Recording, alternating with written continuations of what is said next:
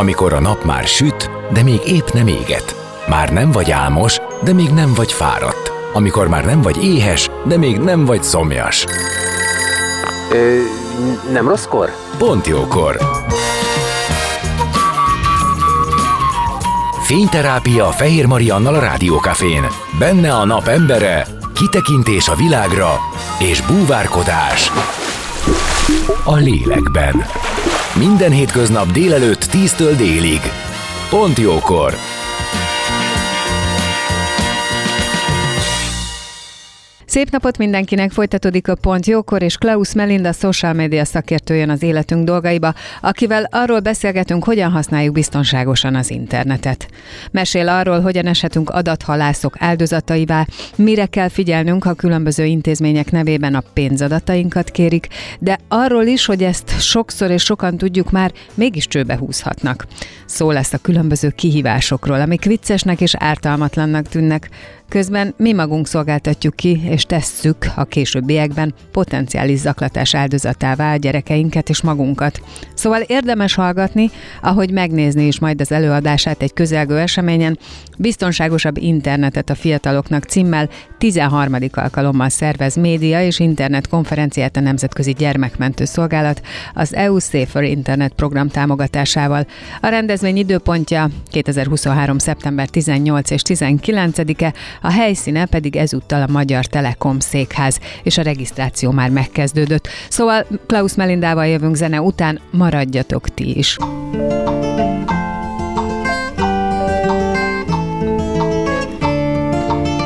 Beszélgessünk az életünk dolgairól, mert annak van értelme. Színház, zene, életstílus, kitekintés a világra és búvárkodás a lélekben. Pont jókor! Fehér Mariannal a Rádiókafén.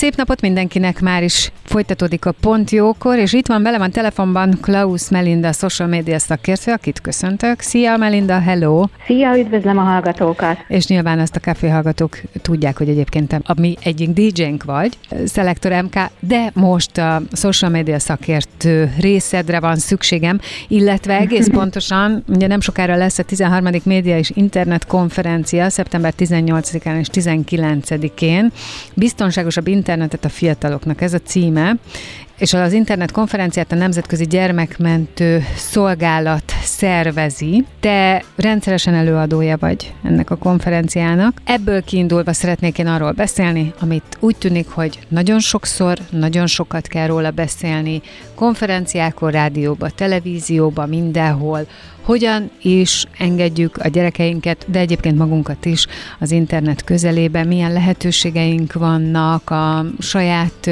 adatainkat védeni, hogyan használjuk ezt információs szerzésre, információ áramoltatására, stb. stb. stb. Innen kiindulva beszélgetünk Igen, hát erről. ezt a témát sajnos tényleg mindig érdemes újra átbeszélni és ismételni, mert újabb és újabb eszközök bukkannak fel, amivel befolyásolhatnak minket, illetve hát olyan álprofil megoldások, fake videók, vagy akár olyan influencer megjelenések, vagy kihívások is megjelennek, ami újdonságként éri a gyerekeket, a szülőknek pedig mindig és mindig újabb és újabb felületekkel kell szembesülniük.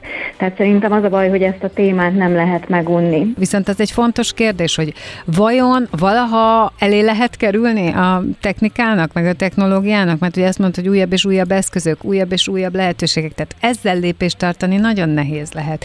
Szerintem ez azt tudja, aki körülbelül ezzel van elfoglalva. Igen, én azt gondolom, hogy ez egy ilyen rablópandur effektus, uh-huh, hogy uh-huh. igazándiból mindig a tech cégek, az adathalászok, a technológiával folyamatosan foglalkozók vannak nyerekben és elsőbségben, és a szülők, pedagógusok, gyerekek, internetbiztonsági szakemberek, mi meg ezeket lekövetjük kvázi.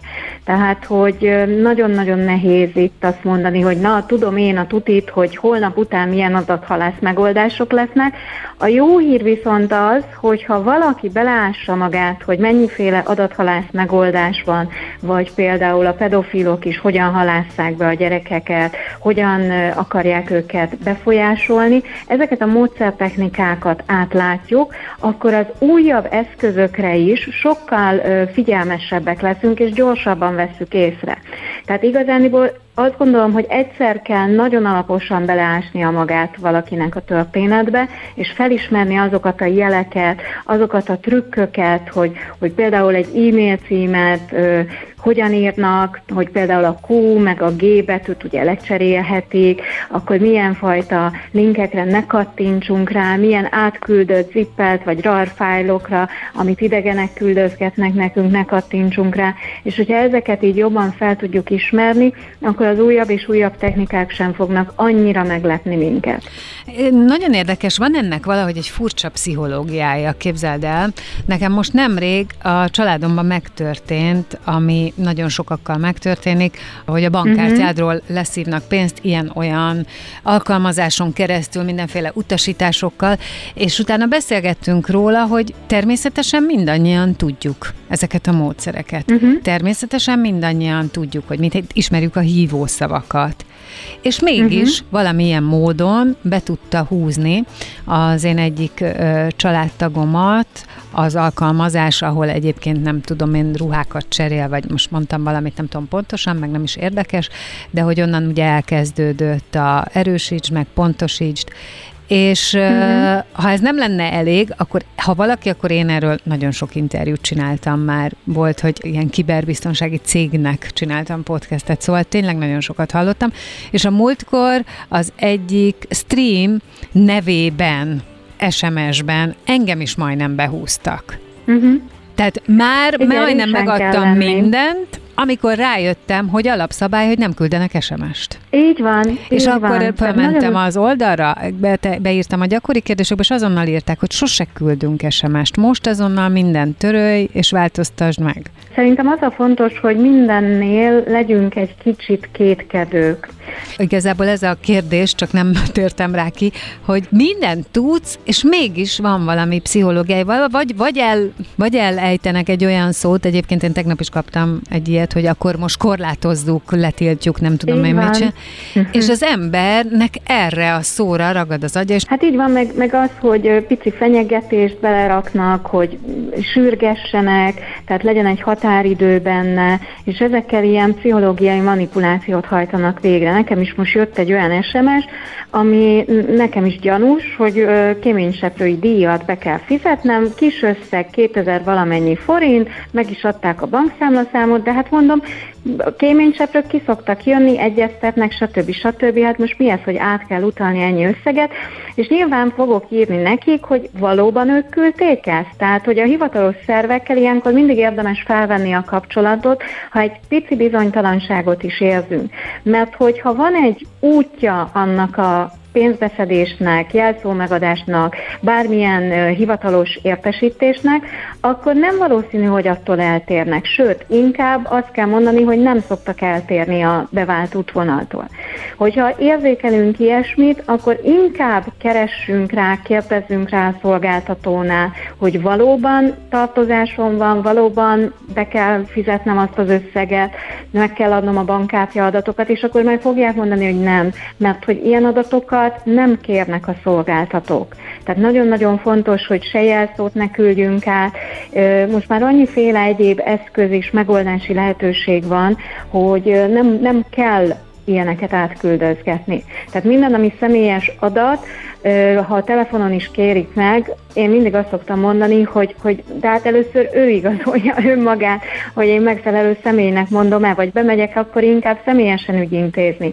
Rászánom az időt, mint hogy bizonytalan helyzetbe hozzam saját magam. Hát, hogy nem, mert hogy egyébként ez onnantól kezdve amúgy semmit nem tud tenni a bank sem, hogyha te magad szolgáltatod ki az adataidat, én úgy tudom. Így van, és ugyanígy az adathalászatnál, tehát például amikor Facebook fiókot, Instagram fiókot feltörnek, akkor nagyon nagy jelentősége van a módszertechnikának, hogy ez hogyan történt, és hogy én mennyire vagyok biztonság tudatos.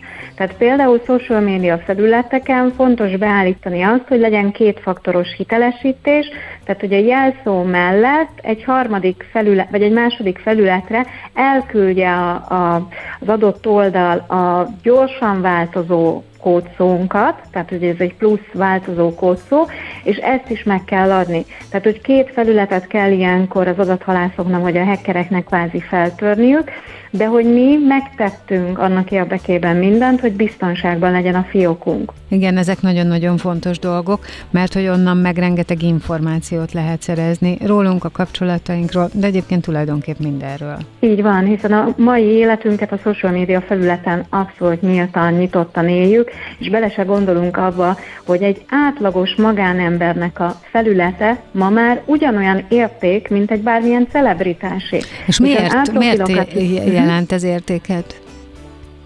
Azért, mert álprofilokat létrehozni ma már egy picit nehezebbé vált, tehát sokkal egyszerűbb, most ez bármennyire furán hangzik, de egyszerűbb megszerezni egy kétfaktoros hitelesítéssel nem rendelkező fiókot, bármilyen adathalász módszerrel, mint egy új nulláról induló álprofilt megcsinálni, és azt hivatalossá tenni. Ugyanis az algoritmusok érzékelik, hogy például a illetve magánszemélynek az oldala már tíz éve működik, Aha. ő barátokat szerzett rajta, beszélget, csetel rajta, információkat küldözget, tehát az egy minőségi profilá avanzsálódik, még egy újonnan létrehozott álprofil, az még most lépett be a közösségi média felületbe, sokkal nagyobb gorcső alá helyezik, lehet, hogy nagyobb ellenőrzést kap, ne Istenem személyigazolványát be kell szkennelni, de hát olyan néven nem létezik ember, tehát hogy sokkal nehezebbé vált az álprofilok létrehozása. Ó, az mondjuk üdvözlendő, mert szerintem még így is nagyon sok van. Így is nagyon sok van, csak pont emiatt ugye a, a jelenlegi magánszemélyek profiljai még nagyobb veszélyben vannak, De ez azt jelenti, hogy el lehet lopni a profilomat?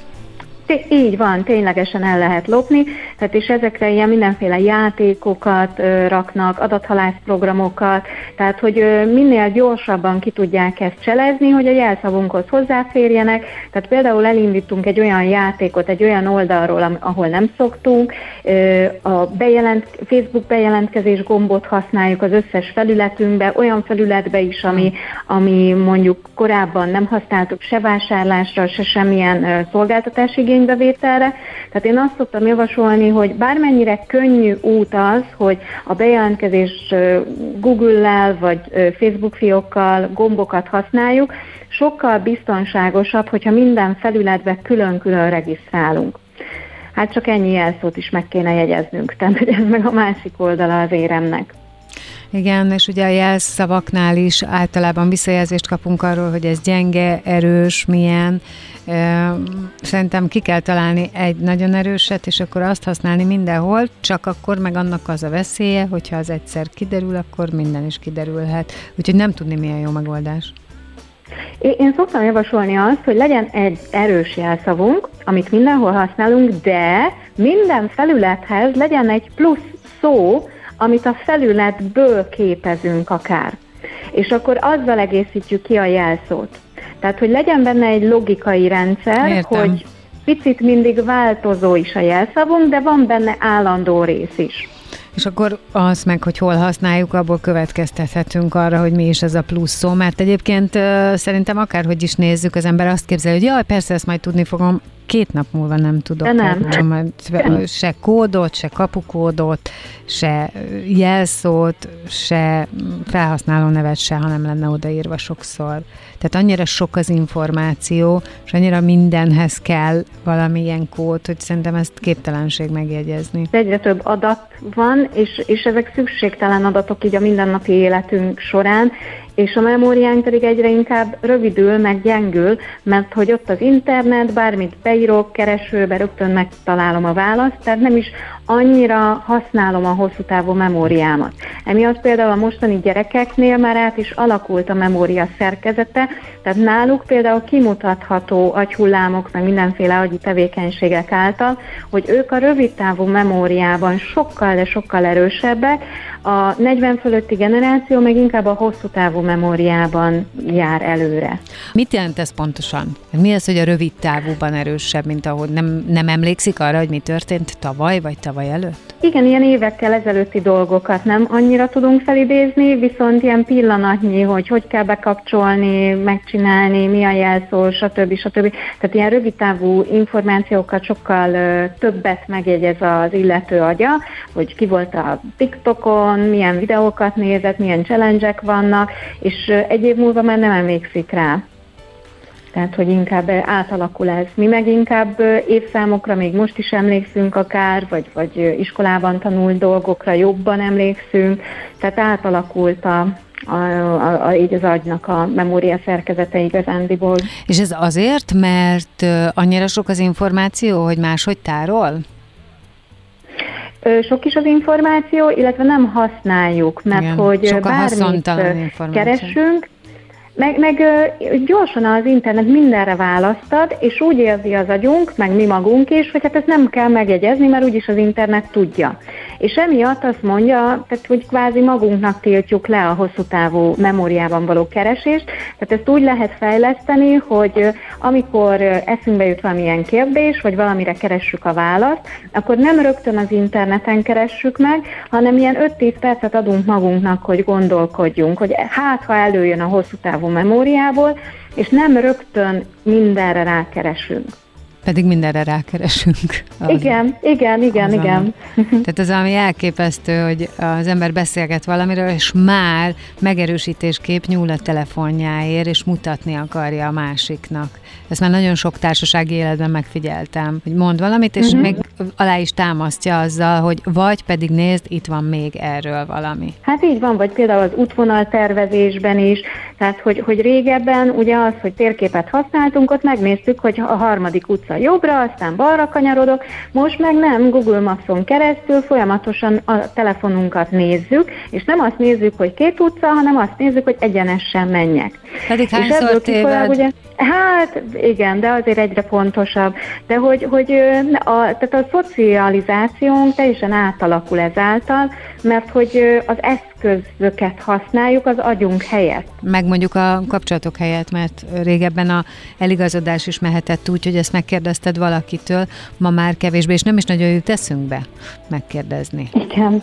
Pedig hát... Így ugye... van, félünk a társas interakciótól is. Hát nem jó az irány, mert így ugye az elmagányosodás erősödik, tehát hogy a, a szocializációs képességek, az emberi kapcsolatok, azok egyre nehezebbé válnak, tehát ezért látjuk azt, hogy a mostani fiatal generáció az kifejezetten magányos generáció, tehát hogy a problémája van, akkor, akkor nem, nem, mond, nem tudja elmondani, vagy például, hogyha ha a munkahelyén van valamilyen gond, akkor nem azt mondja, hogy beszéljük meg, fizetésemelést szeretnék kérni, hanem akár el eltűnik a színről. Tehát például egy, egy próbamunka folyamat során, vagy egy próbaidő után vagy próbaidő alatt is nagyon gyakran azt látjuk, hogy a gyakornok nem jön be második nap, mert ő azt gondolta, hogy ez neki nem jó. És nem szól erről, mert hogy nem tanulta meg a konfliktuskezelésnek a módját. Nem tanulta meg azt, hogy ő egy társaságba tartozik, még hogyha csak az első munkanapját is tölti, de akkor is ezt valahogy le kell zárni, lehet, el kell mondani, meg kell oldani. Tehát, hogy ezeket a formátumokat, formulákat ugye nem tanulják meg. Ez azért érdekes, mert hogy pont ellentmond annak, hogy ugye az interneten mindent megtalálsz, tehát szituációkat láthatsz, videókat láthatsz, filmeket nézhetsz, olvashatsz a bármiről. És rengeteg, rengeteget tanulhatunk onnan mind a konfliktuskezelésről, mind az asszertív kommunikációról, ha beírod, hogy ez a problémám, kijönnek oktató videók. Tehát annyira ellentmond ez, hogy a virtuális térben uh-huh. minden elérhető ezzel kapcsolatban, és a valódi világban pedig a gyakorlatban nem tudjuk hasznosítani. Mert hogy ezzel gyakorlatban kellene gyakorolni. tehát a fő probléma ott, ott van, hogy, az, hogy ez a... Mondok, igen. Igen, tehát például menjünk vissza a gyerekkorunkba, hogy nekünk még voltak ilyen kegyes hazugságaink, hogyha nem akartunk játszani a másik féle, akkor kitaláltuk, hogy jaj, hát mennem kell, mert meg kell írnom a leckét, vagy meg kell még segítenem kell otthon, vagy bármi egyéb, és most már ugye, amikor az online térben élik az életüket, messengeren keresztül videóbeszélgetéseket, tehát még nem is tud írni, de videóbeszélgetést akár már tud egy óvodás is indítani, akkor olyan ö, esetben nem tanulja meg ö, se óvodásként, se általános iskolásként ezeket a lezáró formulákat, mert egy messenger beszélgetést bármikor ott lehet hagyni. Tehát ah. nem kell elköszönni, nem kell elbúcsúzkodni, hanem azt mondom, hogy bármikor folytathatom, ott vagyok, nézem, beszélgetek a másik félel, új videót küldök, és emiatt nincsen meg ez a lezáró formátum. És ez az élet minden területén megmutatja már most magát. Most jönnél kell egy kis zenének meg ajánlónak, de jövünk vissza, folytatjuk a beszélgetést vendégemmel, Klaus Melinda, social media szakértővel. Maradjatok ti is.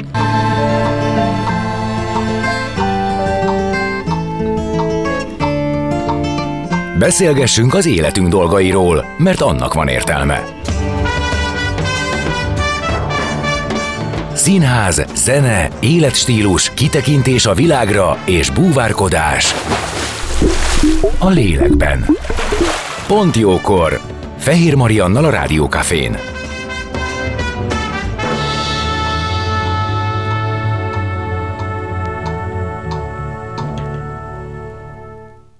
Már is folytatódik a Pontjókor, az életünk dolgaiban Klaus Melinda, social media szakértő, és hát a internet használatról, illetve az internet, a különböző közösségi platformok hatásáról beszélgetünk, ami, amit már nem lehet kihagyni, de már jó régóta nem lehet kihagyni az életünkből, és sokat, sokszor kell róla beszélni, mert valahogy úgy is fejezted ki magad, hogy a mai életünket egyébként ott éljük. Tehát a közösségi portálokon kendőzetlenül kirakunk egy csomó mindent magunkról, akár a kinézetünkről, akár az állapotunkról, a családi állapotunkról, a vagyon tárgyainkról, az otthonunkról, hogy hova megyünk nyaralni, hova nem, az ételünkről, tehát hogy egy csomó-csomó-csomó dologról, és talán azt is mondtad, hogy nem is gondolunk arra, hogy közben ez ö, kerülhet olyan kezekbe, amit nem szeretnénk, közben az álprofilok ö, létrehozásának megszigorítása miatt a, a sima ö, civil profilok sokkal nagyobb veszélybe vannak, hiszen ezeket el lehet lopni, hogy aztán lehessen bele trollkodni bár, bárhol. Szóval, hogy nem is nagyon tudjuk, hogy a virtuális térbe, ahol egyébként nincs éjszaka, nincs nappal, nincs pihenő idő, meg mennyire kitesszük magunkat. Így van, tehát a mindennapi veszélyek ott vannak igazándiból velünk, mert hogy az adat a legértékesebb kincsünk. Az adatokkal ugye kiismerhető a vásárlási szokás, az, hogy mi érdekel minket, milyen beszélgetéseken keresztül lehet megnyitni a társalgást uh-huh. vagy a barátkozás folyamatát. Tehát például nagyon sok tinédzsert a, a pedofilok úgy halásznak be, hogy megnézegetik a korábbi kis TikTok videóikat, feltöltött anyagaikat, vagy Facebookon, Instagramon a fotóikat, tartalmaikat, hogy miket szeretnek, miről beszélnek rendszeresen. És ezekről a témákról kezdenek el velük beszélgetni. Mm, tehát eleve ez a felütés. A, Igen. Így van, hogy azt érezze a gyerek, hogy hát mi hasonlóak vagyunk, barátkozunk, ugyanaz érdekli őt is, ugyanaz a kedvenc zenekara, és már is sokkal jobban megnyílik egy ismeretlen személy felé is. Én csak ezt tudom ismételgetni, hogy elképesztő, hogy valahogy nincs ott a gyanú.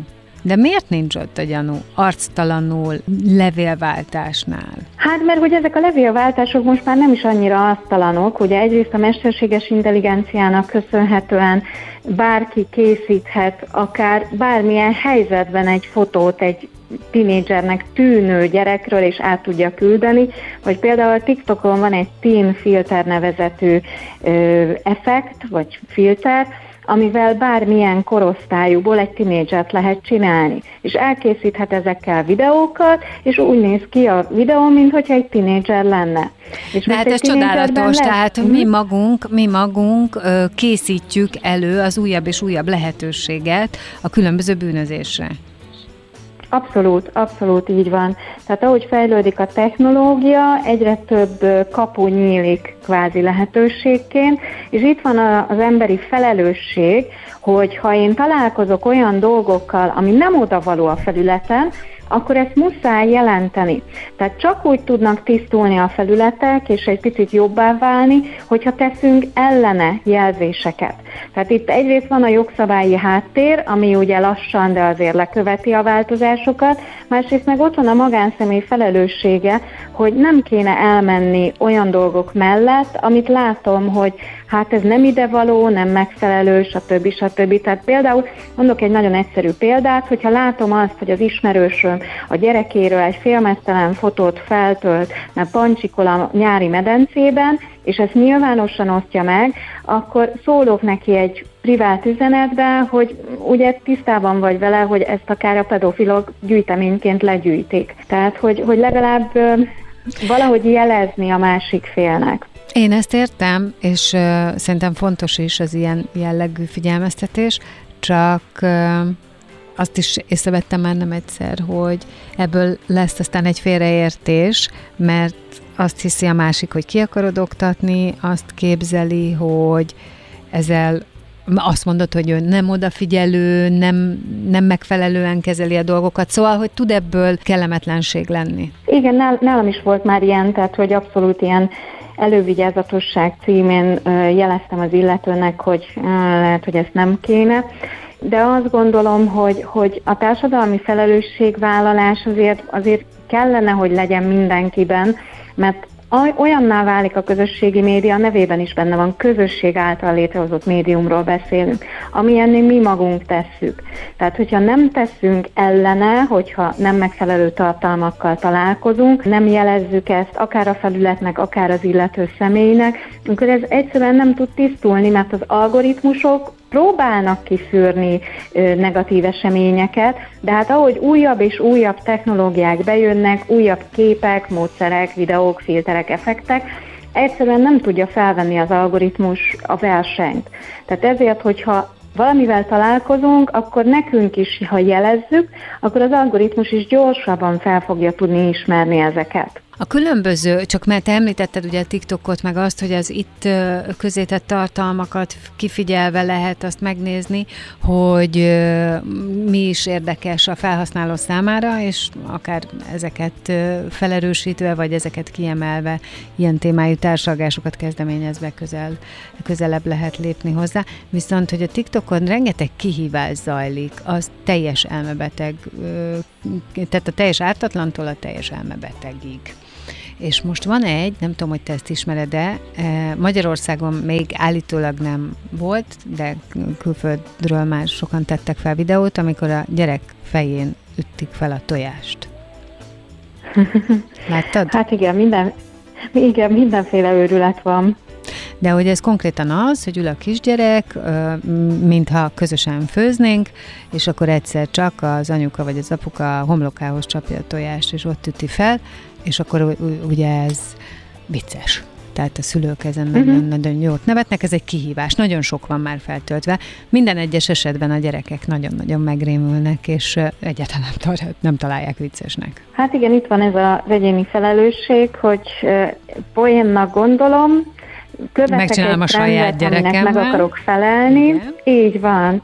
És közben nem gondolok abba bele, hogy ez milyen stresszt hoz neki, mit okoz, mit eredményez. Ne adj Isten, pont a szülő nagyon gyakran olyan tartalmakat gyárt a saját gyerekéről, ami utána később internetes zaklatás eredménye lesz.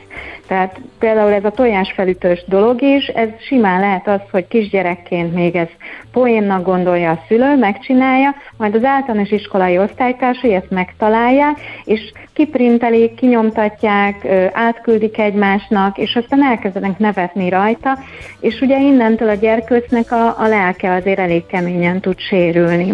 Mondom, itt egyébként az a fontos, én megnéztem nagyon sokat, minden gyerek meglepetten, és úgy néz a szülőjére, mintha az elárulta volna. Egyébként azt én értem. Tehát ott hát ül, van, ott van. ül, szépen nagyon örül, hogy most együtt főzünk, kavargatja valamit, és egyszer csak homlokon csapják.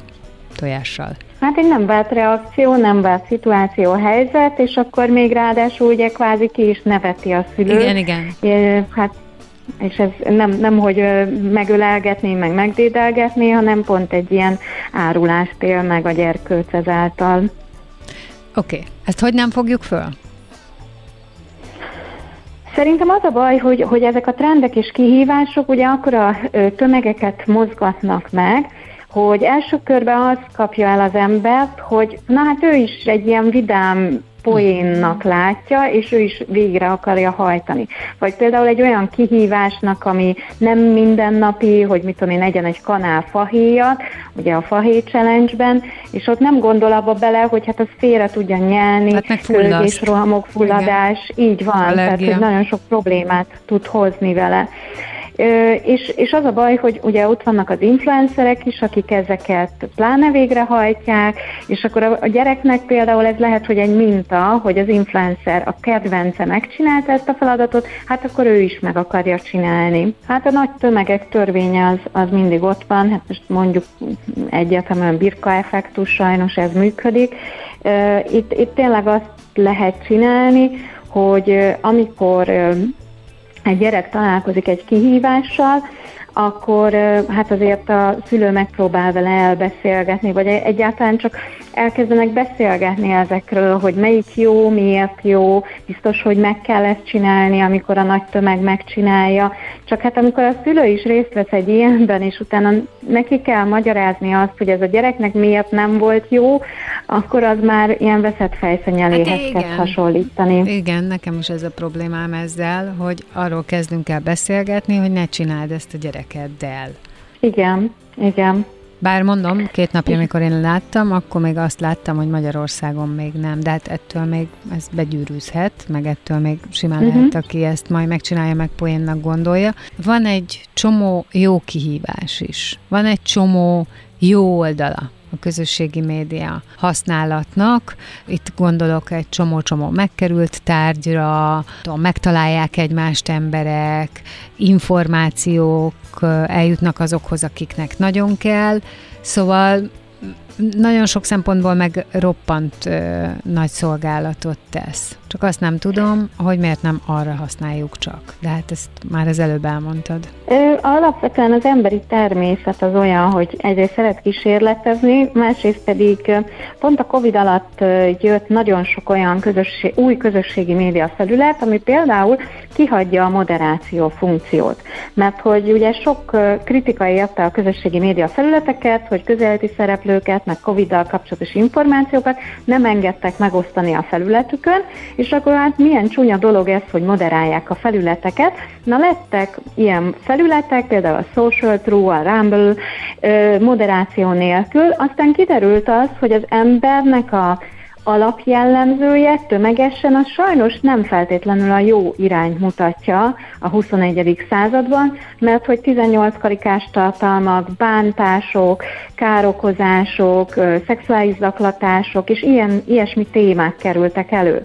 Tehát például a mostani mesterséges intelligenciát is, amikor használjuk, a chat GPT-t, be lehet állítani ezt egy olyan üzemmódot, hogy ne ragaszkodjon az etikethez, a morálhoz, a törvényekhez, és meg lehet tőle kérdezni, hogy mik a legdurvább tartalmak, amiket kérnek tőlük, tőle az emberek, és leírja, hogy bizony olyan abúzáló tartalmakat, amivel aztán lehet kárt okozni a másik félnek.